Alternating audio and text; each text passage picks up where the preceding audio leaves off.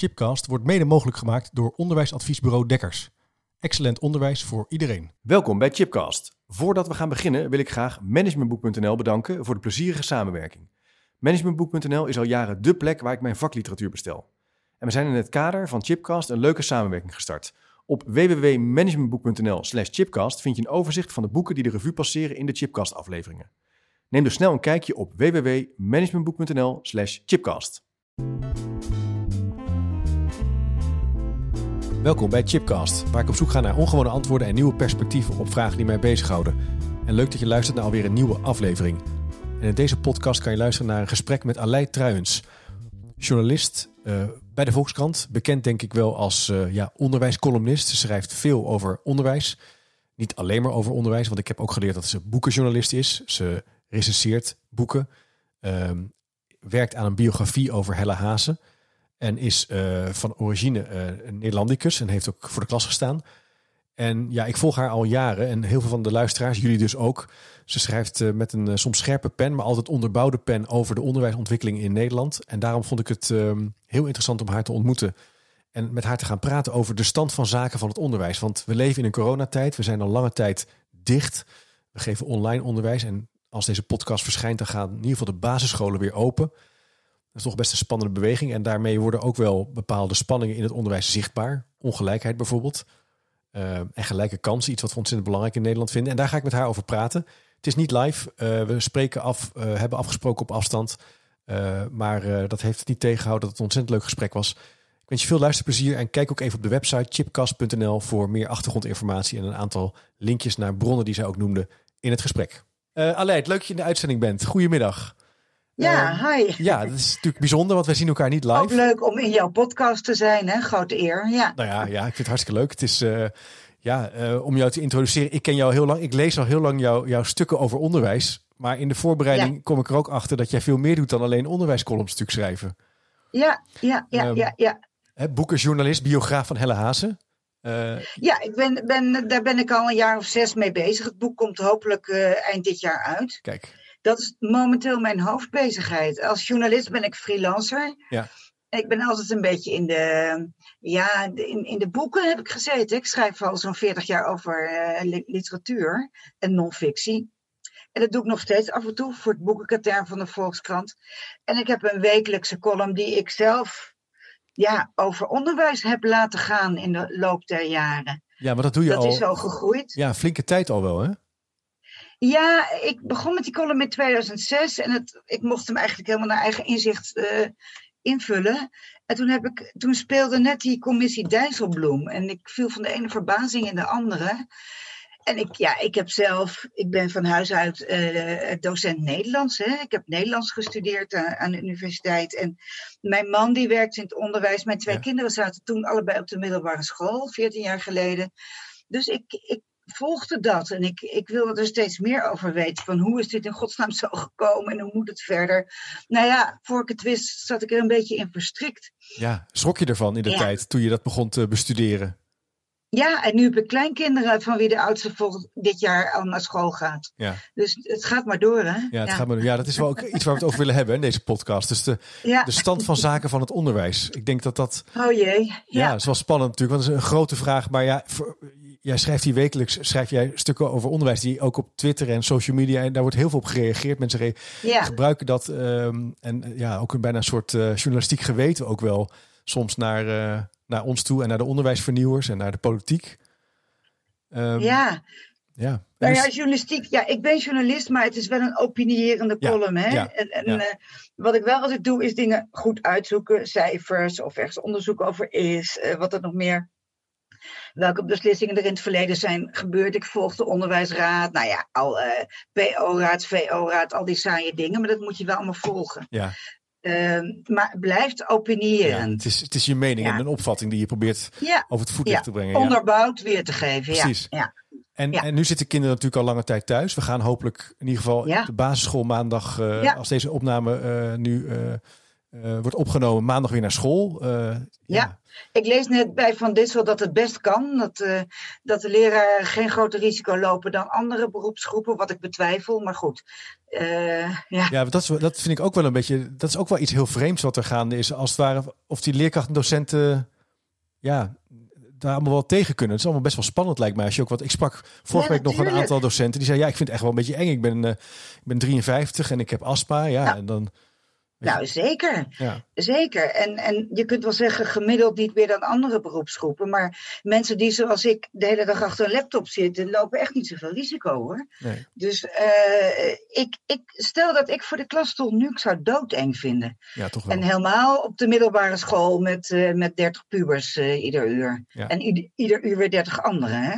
Ja, dat... Het lijkt mij heel erg griezelig. Ja. ja, en ik kan me goed voorstellen Ehm, dat het nogal gemakzuchtig wordt gevonden dat zo'n ministerie en daarmee ook, uh, nou ja, die, die, die zijn wel iets bezorgd, maar ook die, die raden en, en besturen zeggen, nou, uh, doe het maar leraar, uh, ga maar weer lekker aan het werk. Ja.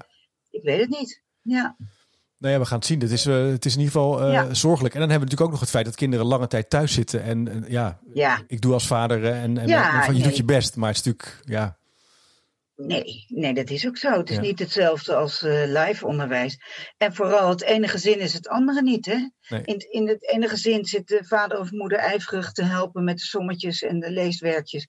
Het andere gezin is het een chaos. chaos of uh, ja, kunnen de ouders het niet meer aan? Of moeten ze zelf ook werken? Is er enorme stress? Uh, ja. Ik zie het helemaal voor me, eerlijk gezegd. Ja, Moet er ook niet aan denken. Nee, aan de keukentafel het gaat maar door en je werkt ernaast. Dat is natuurlijk best wel een uitdaging. Nee.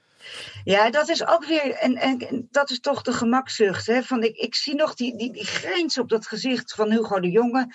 Ja, we hebben het ook gedaan om de ouders te dwingen thuis te blijven. denk ik, ja, dat is dus veel makkelijker. Met één pennenstreek tegen die ouders zeggen: blijf maar thuis, scholen gaan dicht, dus je moet wel thuis blijven.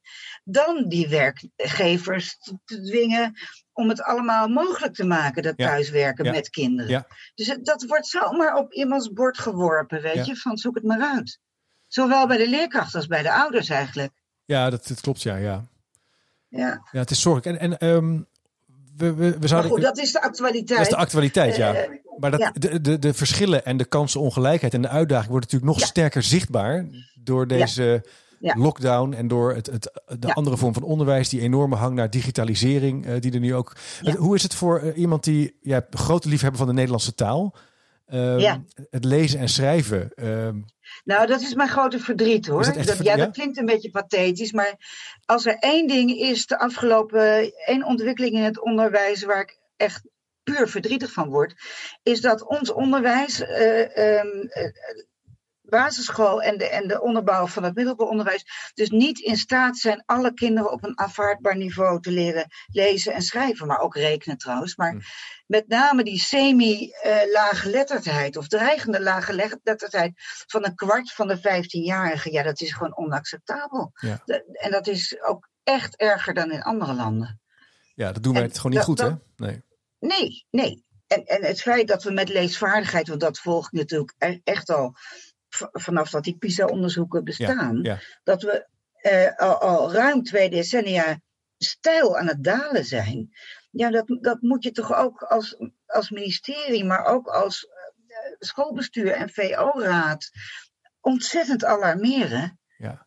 ja, ik kan daar wakker van liggen. Ik vind dat echt verschrikkelijk. Ja. Als je, zijn, er, zijn er oorzaken te, eh, te vinden voor deze, ja, niet, deze daling die al zo lang doorzet? Want het kan natuurlijk gebeuren dat iets op korte termijn achteruit gaat, maar dit is dus een structurele Ja, dit is een, een, een structurele en steeds maar verdergaande daling.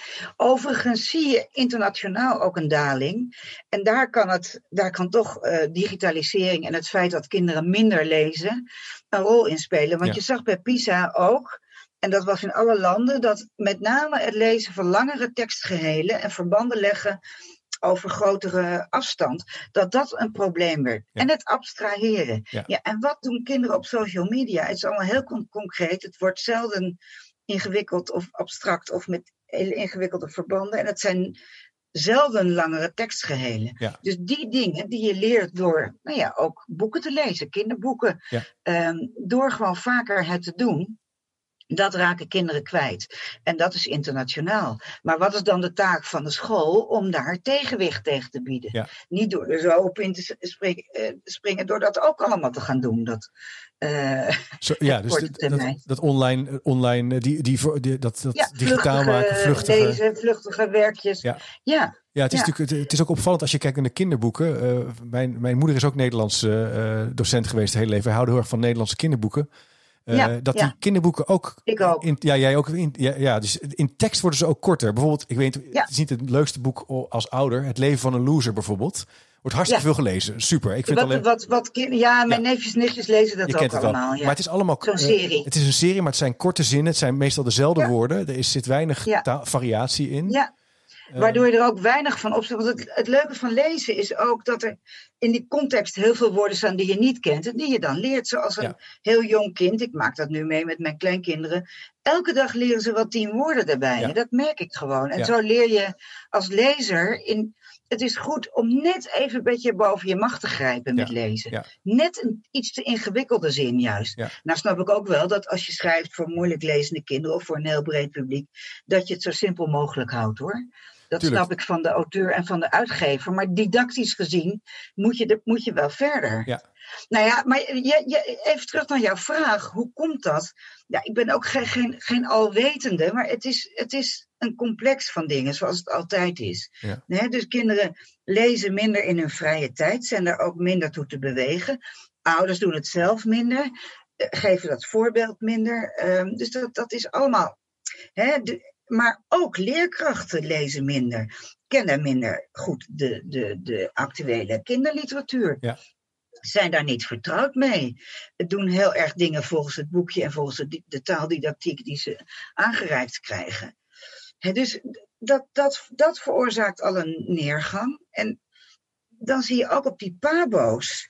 ehm, hebben ze grote moeite om iedereen op een basisniveau te krijgen. ook omdat. ehm, ja, er, er komen ook heel veel leerkrachten van het MBO, waar het niveau van taalonderwijs ook niet zo bar hoog is. Ook doorgaans geen echte lezers. Dus zie dat in die vier jaar PABO maar eens op niveau te krijgen. Dus ik denk ook wel dat het aanvangsniveau van de leerkrachten op de basisschool ook niet al te hoog is. Ja, de, de grote talenten en de, en de eh, fanatieke lezers niet te nagesproken, want die heb je altijd, hè, gelukkig. Ja. Maar gemiddeld gezien, ja, hebben ze misschien niet genoeg in huis, die leerkrachten. Nee. Voeg daarbij het gebrek aan training. eh, en dan, dan, dan begrijp je het al een beetje.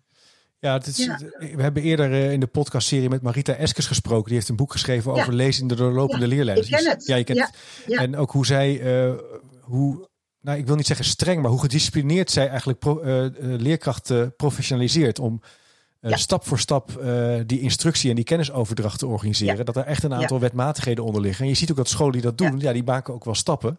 Die maken echt sprongen. Echt Maar je moet het ook elke dag doen. En weet je wat ook, wat ik iets heel treurigs vond, wat ik hier las. Het onderzoek van een aantal jaren terug alweer. Ehm, dat leesmoeders of vaders of opa's en oma's, dat helpt verdorie helemaal niet. Ja, weet je waarom niet? Die, die worden dus niet goed geïnstrueerd hoe ze eh, dat leeshalf uurtje moeten doen. Ja. Hè, namelijk, ja, ook door vragen te stellen erover, door dingen die fout gaan opnieuw te doen. En door hele goede instructie te geven. Als je dat allemaal niet doet, dan heb je aan dat half uurtje per week weer helemaal niks. Nee. Dus er zitten al die, die, die blije en goedwillende mensen zitten eh, leesvader of moeder te zijn. Ja. En dat helpt dus niet. Dus, nee, daar word je wel een beetje Ja, terug dat- van. ja.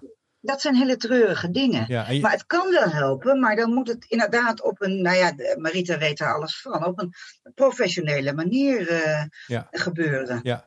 Dus je Ja. noemde even een, als verklaring van die neergaande lijn dat het een complexiteit is van, van, van variabelen bijna, hè, die op elkaar. Denk ik. Ja, ik ben geen wetenschapper, hè? Nee. maar, maar iets, iets wat ik ook nog zou willen zeggen. Ehm, wat er op die pabo's, daar ben ik wel heel vaak geweest, ook om lezingen te geven. Wat zo weinig gebeurt, ook bij de docenten Nederlands daar.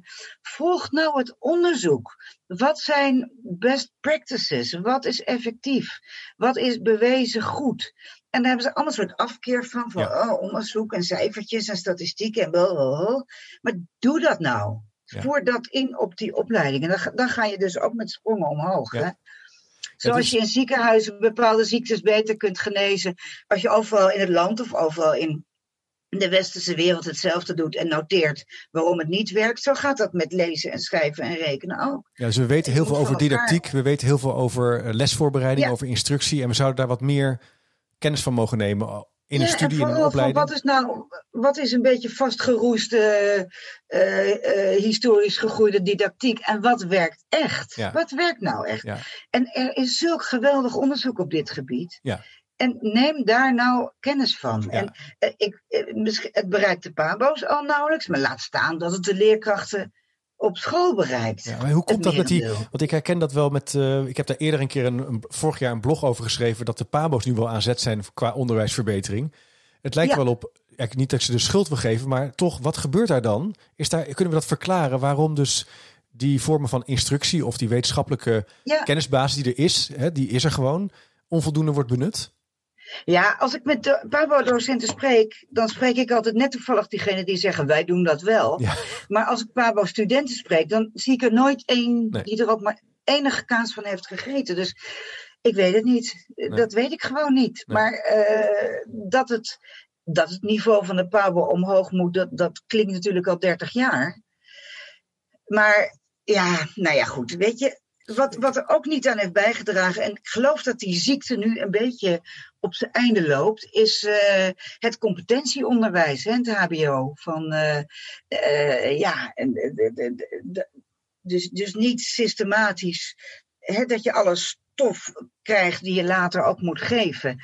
Maar ja, je moet competent genoeg zijn om het door te geven. En je moet vooral heel veel reflecteren op je eigen houding en Ja. daar reflectierapporten over schrijven. Nou, ik, dat is de dood van de Pabo geweest een tijd lang. Het leren leren. En heel, heel veel docenten komen daar nu van terug hoor. Ja. Dat het alleen maar over reflecteren op, op, op hoe je lesgeeft. En. En, dat ging allemaal af van de inhoudelijke kennis en vaardigheden. En, en instructievaardigheden en, en, en, en vakdidactiek. Ja, ik kan me heel goed voorstellen dat reflectie zinvol is als je stage hebt gelopen en je met een begeleider goed kan terugkijken. Tuurlijk. Dat zijn allemaal ben dingen. ook niet Nee, voor precies. nooit reflecteren. Nee, precies. Maar, maar inderdaad, het overdadig reflect- nadenken over leerstrategieën, Het leren werd leren. standaard. Het werd ook een automatisch pilootdingetje. Van, je, je gaf een aardrijkskundelesje en dan schreef je daar tien pagina's Ja. reflectie. Ja. Ik, ik heb ze allemaal gelezen. Het is echt verschrikkelijk. Je wordt er... Ja. En wat ook altijd is gezegd, maar dat, dan begeef ik me op glad ijs, dat heeft de jongens weggejaagd. Ja. Dat hele Ja. zeurderige over alles. In plaats van, nou ja, hoe ga ik nou echt met die, met die kinderen aan de slag? Wat doe ik met ze? Hoe motiveer ik ze? Hoe, Klassenmanagement. hoe leer ik ze nou echt rekenen en lezen? En aardrijkskunde en geschiedenis. Nou, ik Ja. herken wel die. Ik heb in 19, of 1999, 2000 ging ik naar de hogeschool. En dat, toen kwam ook Ja. het hele, volgens mij, het competentiegericht onderwijs steeds sterker naar Heb voren. jij dat ook nog gehad? Ja, ik, ik herinner me nog dat wij op een gegeven moment ook meer en meer in de vakken eh, reflectieopdrachten kregen. Waar wij Ja. met z'n allen eigenlijk niet zo goed van wisten. Wat bedoelen ze hier, hier nu ja. eigenlijk? precies. En, eh, je bent een jongen. en toen ben ik nog wel op de universiteit, daarna verdween dat. Maar ik herinner me nog Ja. dat we ook Ja, overleg hadden van wat moet je nu opschrijven hier? Wat, wat, wat willen ze eigenlijk van ons? Dat we niet zo goed begrepen van Ja, het reflecteren ja, ja, als ja, doel ja. op zich, zeg maar. Ja. Zonder dat je het ervaart. reflecteren als doel op zich. Ja. En dat, dat hebben die mensen dan ook weer in hun opleiding geleerd. En nou ja, enzovoort. Ja. Een, een laatste aanname, die, Ja, maar maar die kan het, ik... het is een beetje makkelijk om af te geven op die, die verdomde pabo's. Maar Ja, ja, die inspanning moet er wel zijn om het van daaruit beter te maken. ja, ja. Ja, precies. Nou, dit is, eh, ik heb daarover nog wel een vraag van een van de luisteraars. Casper Hulshoff, eh, wetenschapper aan Ja, de ja, Universiteit Utrecht. ja. Je zal hem misschien wel kennen ook Ja, over de... ik weet wie dat is. Ja, Ja, ja, ja, ja. heb dingen van hem gelezen, die- zeker. ja, dus die is is altijd, eh, ook, ik volg hem heel graag op Twitter. En die zei, ja, ik heb een hele dikke bundel, columnbundel van jou. Wij eisen les uit 2008. 2008 hè, is dat, ja. dus dat is Ja. eh, 13 jaar geleden. Jij Nou, leest... dat ging heel veel hierover, hè? ja. Over competentie leren, en, maar ook studiehuis en zo, weet je wel. Ehm, dat, die, maar ja, er, er zijn nog allerlei onderwerpen in, bijvoorbeeld over taalonderwijs, literatuuronderwijs, leesonderwijs, die, die, ik nog, die stukken zou ik nog zo kunnen schrijven. Je zei, precies, maar heb jij nou het gevoel, hij vraagt zich af, daar staan eh, dezelfde, of dezelfde, hè, vergelijkbare problemen en uitdagingen. Ehm, is het nou, je hebt er misschien wel iets over zeggen, maar is het nou beter geworden of, of is het nou erger geworden? En hoe komt dat dan? En Nou ja, Ja.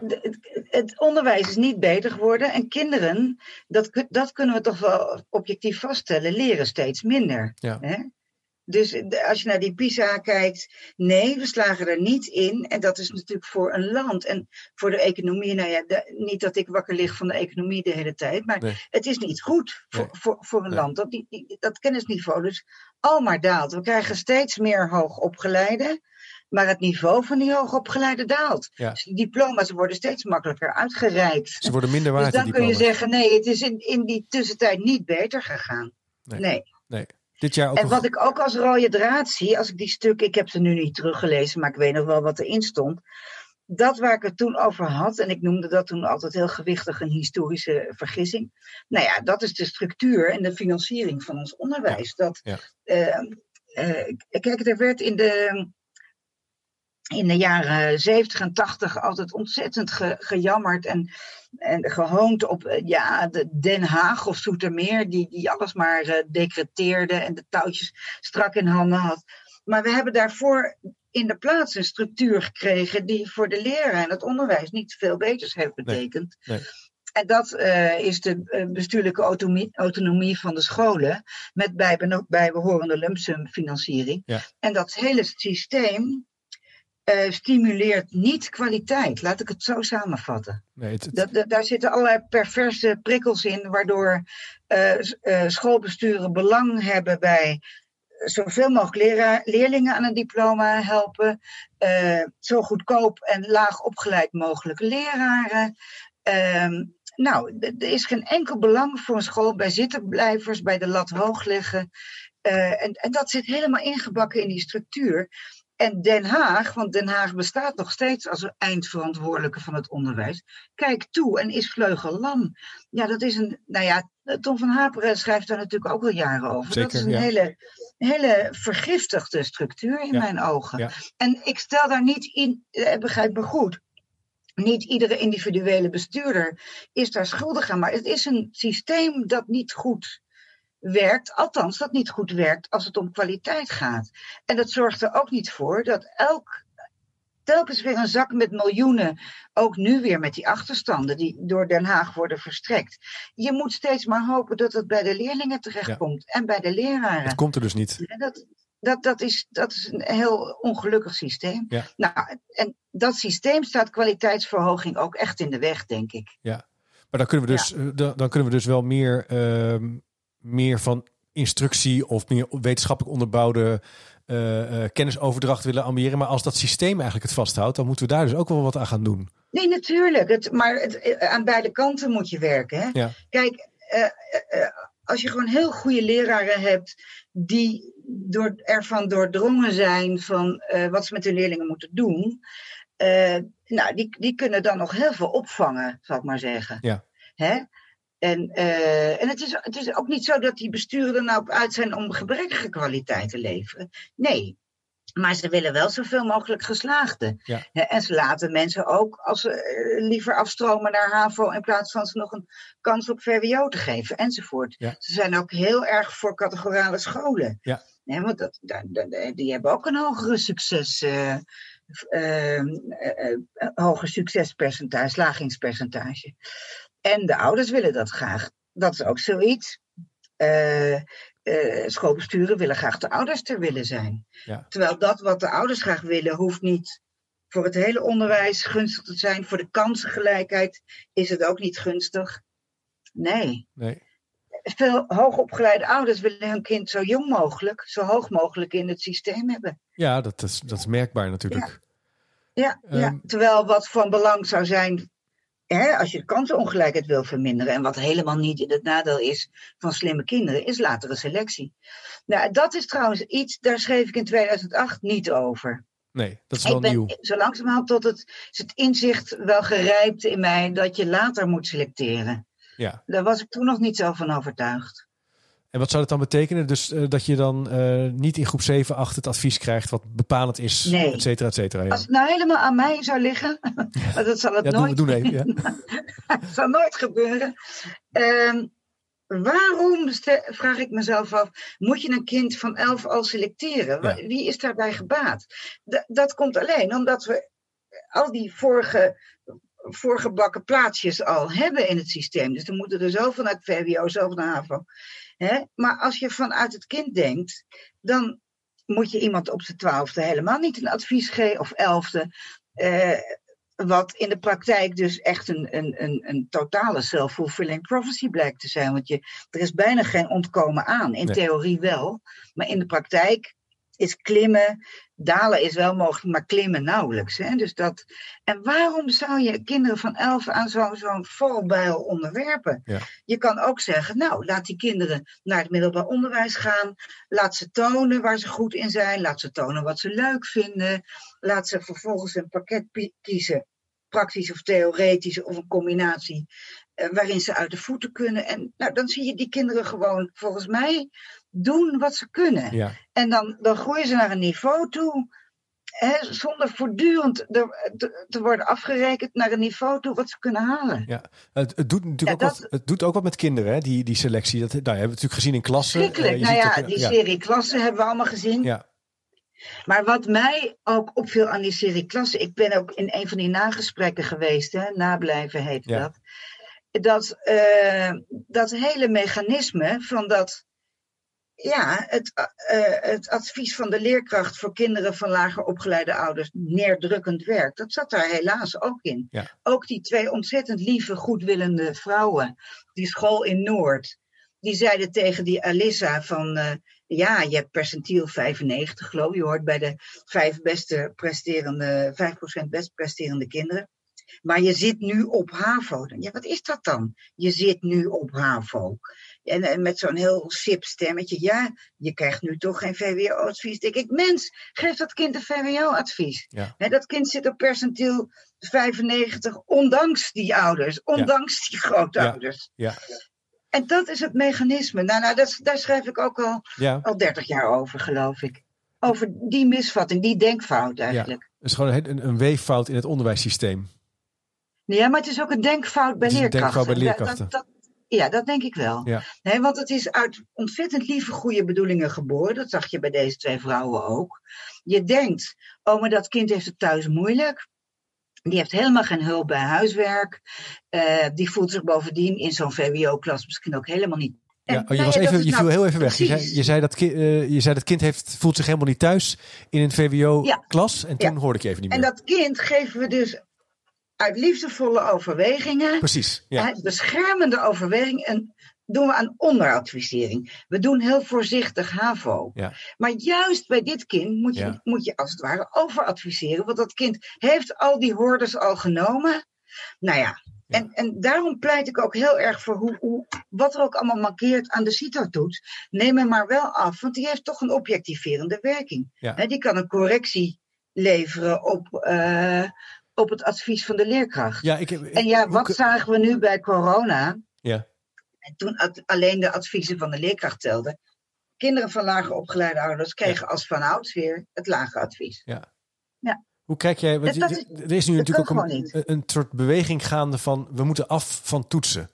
Eh, dus dat toetsen is slecht voor kinderen. Het zorgt voor stress. Eh, we moeten eigenlijk heel anders kijken nou ja, naar. maar als jij zegt, ja, dat vind ik wel interessant. Van mij mag er ook wel minder getoetst worden. Helemaal bij kleuters. Dat vind ik absurd om bij een kleuter voortdurend te gaan meten of hij nog wel op niveau zit. Laat het kind gewoon spelen. Ja, Maar ik vind wel, als je niet toetst, dan mag je ook niet adviseren. nee.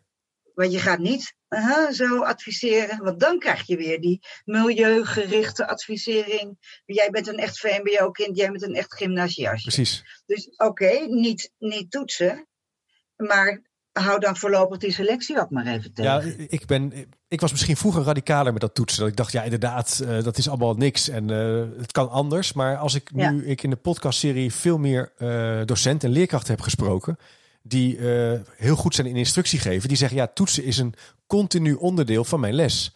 Dus ik ben altijd Ja. bezig om een instructie eh, eh, op, Ja. optellen en aftrekken boven het twintigtal, boven het honderdtal. En dan ben ik aan het toetsen.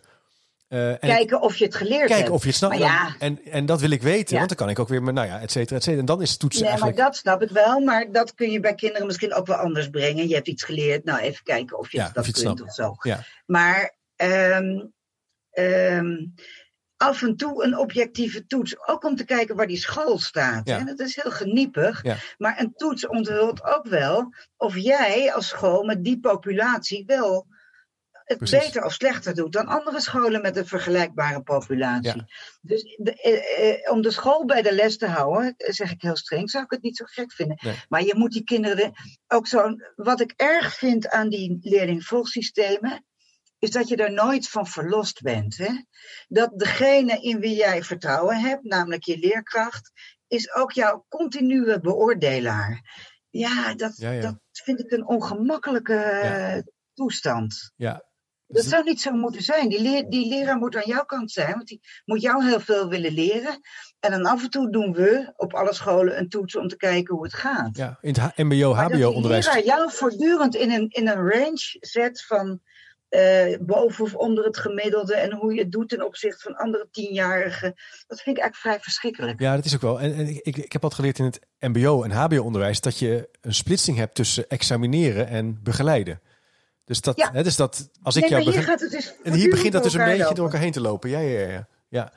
Nou ja, een beetje eigenlijk. Oh. Zoals zo, zo, ook zo'n zo leerkracht in, in, in klassen. Je zit nu op HAVO. Ja, daar moet zo iemand zich helemaal niet mee bezighouden. Nee. Dit, kind hè, heeft een entreetoets gemaakt. En daaruit bleek dat ze echt waanzinnig goed kon leren. Dat moet het uitgangspunt zijn. Ja, ja. En niet dat er een grafiekje is waarbij ze op dinsdagmiddag op HAVO zit. Nee. Ja, dat, dat is verschrikkelijk, Ja. vind ik. Ja. Een ander thema wat ik eh, graag eh, met je zou willen verkennen, is dat als je kijkt naar het onderwijs, dat er een steeds grotere beweging is, denk ik, richting gepersonaliseerd leren. Of het individu, het kind centraal, ehm, het, het unieke talent centraal. En we moeten eigenlijk daar, nou ja, et cetera, et cetera, maatwerk leveren. Eh, Ja. Dat is natuurlijk anders in het beroepsonderwijs dan in het VO of PO. Want ja, in een MBO Ja. kan je natuurlijk een keuzevak, keuzedeel doen. En kan je zeggen, ik wil elektrotechniek doen. Is dat best wel gepersonaliseerd ja. Maar in het VO en PO begint het ook heel sterk naar voren te komen. Ja, en da- daar moet je voor uitkijken, want eh, je moet in de gaten houden dat alle kinderen alle basisvaardigheden leren. En dat doe je niet met gepersonaliseerd leren. Nee. En er is ook een gevaar. De onderwijssociologen die, die wijzen daarop, nou ja, bijvoorbeeld inderdaad Paul Jongbloed al jaren geleden. Eh, als je kinderen op niveau indeelt, blijven minder snelle kinderen of minder ge- sociaal gefortuneerde kinderen altijd modderen in hun lage groepje, in hun lage niveau groepje. Ja. Dus ehm, ja, je kan zeggen dat gepersonaliseerd leren legt de lat steeds hoger, maar dat werkt niet altijd zo. Er Nee. zijn ook kinderen die juist doordat ze niet klassikaal leren, te weinig oppikken, omdat ze geen context hebben. Het Niet door de klas meegen- meegenomen, Nee. meegezogen worden. En inderdaad Dus ook juist- eh, de lat van de leerkracht of de docent. De lat van de leerkracht, maar ook de lat van de, van de andere kinderen. Ja, die ja, andere vragen stellen dan jij kan verzinnen. Ja. Waardoor andere antwoorden langskomen dan in jouw eigen probleemgebiedje. Want gepersonaliseerd leren veronderstelt dat je ook steeds antwoorden krijgt op door jou op dat moment gestelde problemen. Maar een deel, daar kom je helemaal niet eens op Nee. zonder context. Nee. Dus ja, en bovendien leidt het er ook wel weer toe dat kinderen vele uren achter een laptopje of iPadje zitten. Hè? Ja. Want gepersonaliseerd leren kan natuurlijk alleen maar online. Ja, met een adaptief elektronisch systeem. Hè? Ja, Ja, Ja. Ik vrees dat bij onze dus kinderen. levende leerkracht komt er dan weer niet aan te pas. Nee, dat, dat krijg je. Dat, onze kinderen zitten nu ook al een aantal weken thuis. Die zitten ook op de basisschool. En eh, onze oudste klaagt al een beetje over pijn aan zijn ogen. Eh, dat Oh god, echt waar? Ja, want die zit toch ja, in die Zoom. Hè, en, en dan moet hij De weer. hele op- dag maar op Zoom. en ja, dan snap ja, En dan ook de opdracht. Heel veel is echt is online. Het is eh, ja, ja. goede maar hoe intentie moet het nu ook anders? Maar ik vind het... Kijk, ik, nu is er een excuus voor, maar er zijn dus ook hele schoolklassen die gedurende het hele jaar Ja. toch vooral online zitten. En ja, ja ik, ik ben daar geen voorstander van. Nee, het is gek dat thuis moeten ze altijd er vanaf. En op school mogen ze er dus nu op. Ja, op school Ja. moeten ze de hele dag doen, hè? Ja, Ja, nou Hey, en eh, nog even een vervolgvraag. Even een bruggetje naar eh, die ehm, onderwijsfilosoof die even noemde. Want daar heb ik nog een vraag over. Eh, Anna Hofland is ook een docent. Anna Hofman, Bos, Bosman. Nee, ja, nee, niet Anna Bosman. Dat is de, de, Oh.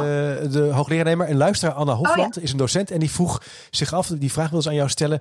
Wat vind je van het standpunt van de onderwijssocioloog Jongbloed over autonomie van de leerkracht? Die dus eigenlijk die ongel- ongelijkheid in stand houdt. Nou ja, eigenlijk hadden we het daar net al een beetje Ja, maar- over. ja. Is dat dus... Leg dat nog heel, Nou ja, even ik, uit. op zich is natuurlijk de auto- autonomie van een leerkracht een heel, heel mooi ding. Ja. En, en laat een leerkracht in zijn of haar klas ook zoveel mogelijk vrij. Maar zorg wel voor externe uh, standaarden. Ja. Hè? Want uh, om te voorkomen inderdaad dat je kunt wel zeggen. Uh, een leerkracht in groep 18 advies geeft, kent dat kind door en door. Maar dat is, dat is waar, maar dat is ook precies het tegenargument. Ja. Want je hebt daardoor verwachtingen van een kind die kunnen wel eens te laag zijn of juist te hoog. Hè? Of je, je, hebt, je, je kan het heel goed vinden met een kind, je kan het eigenlijk helemaal niet vinden met dat kind. Dus een, een, een kind heeft ook recht op een objectief oordeel. Ja. En het is ook wel grappig hè, dat bij. Uh, uh, die, die, die, die, mensen van de OESO, die die PISA-onderzoeken maken, er stond Ja. een keer een, was een keer een bijlage bij. En er stonden allerlei uh, kanttekeningen van hoe men het in allerlei landen deed. En wat, wat de OESO-onderzoekers daar opmerkelijk aan vonden. Opmerkelijk aan Nederland is dat ze het werkelijk verbijsterend vonden. dat kinderen en ouders in Nederland niet kunnen verwijzen en terugvallen op objectieve toetsing, op objectieve standaarden. Dat is kennelijk het belangrijkste oordeel in je onderwijsloopbaan, dat in groep 8 grotendeels subjectief tot stand komt. Ja. Ja, dat, en, en zij zeiden dat zou niet zo moeten mogen, want iemand heeft recht op een andere, Ja. op een correctie van een Ja. individueel standpunt. Ja. Mooi, dus je moet en dat eigenlijk correctie in balanceren. Nederland, het Ja. is nu. Ja, nou nu is het ook zo dat het ehm, advies van de leerkracht, als het te laag uit, lager uitvalt dan de CITO-score, dan moet er opnieuw naar gekeken worden. Ja. Maar, en dat vonden ze bij PISA dus heel vreemd, dat kind heeft geen recht op bijstelling. Dat is weer het. Dat mag de leerkracht weer zelf beslissen. En maar in één vijfde deel, in 20% van de gevallen, gebeurt een bijstelling naar boven. Ja. Ja, Ja, zo zie je. dus dat, en dat zijn dus die, die onderwijssociologische dingen die maken van ja, ehm, het is niet voor niets zo dat nu we coro- corona hebben zonder corrigerende CITO-toets, dat die adviezen van kinderen van laagopgeleiden Ja. weer pijlsnel dalen. Ja, dus je, hebt, dus je, Dus- dus je moet die autonomie wel eigenlijk balanceren met dus, eh, eh, nou ja, Met onafhankelijke toetsen. externe standaarden, ja. Maar je ziet het ook, eh, wat, wat, wat mij altijd opvalt, als ik wil nog eens scholen bezoeken die bijvoorbeeld bekend zijn als een goede school, hè, wat het dan ook is, dan ben ik Ja. altijd wel nieuwsgierig naar wat dat Ja, dan wat is. het dan ook is, ja. En, en, dat, en wat mij wel eens opvalt, is dat die bijvoorbeeld heel actief elkaar bezoeken. Dus bij elkaar Ja. in de klas komen en ook elkaar feedback geven op lessen, eh, Ja, complimenten nou, dat, lijkt geven. me echt, dat lijkt me echt geweldig. Toch? Ja. Dat, dat gebeurt al vaak. En terwijl scholen die het vaak lastiger hebben, daar ontstaat dan ook een cultuur dat dat allemaal niet kan en dat dat ingewikkeld is. En dat, Nee, maar dat je ook, ook je, je, dat is natuurlijk net als eh, ongelukkige gezinnen hangen ook hun was niet buiten.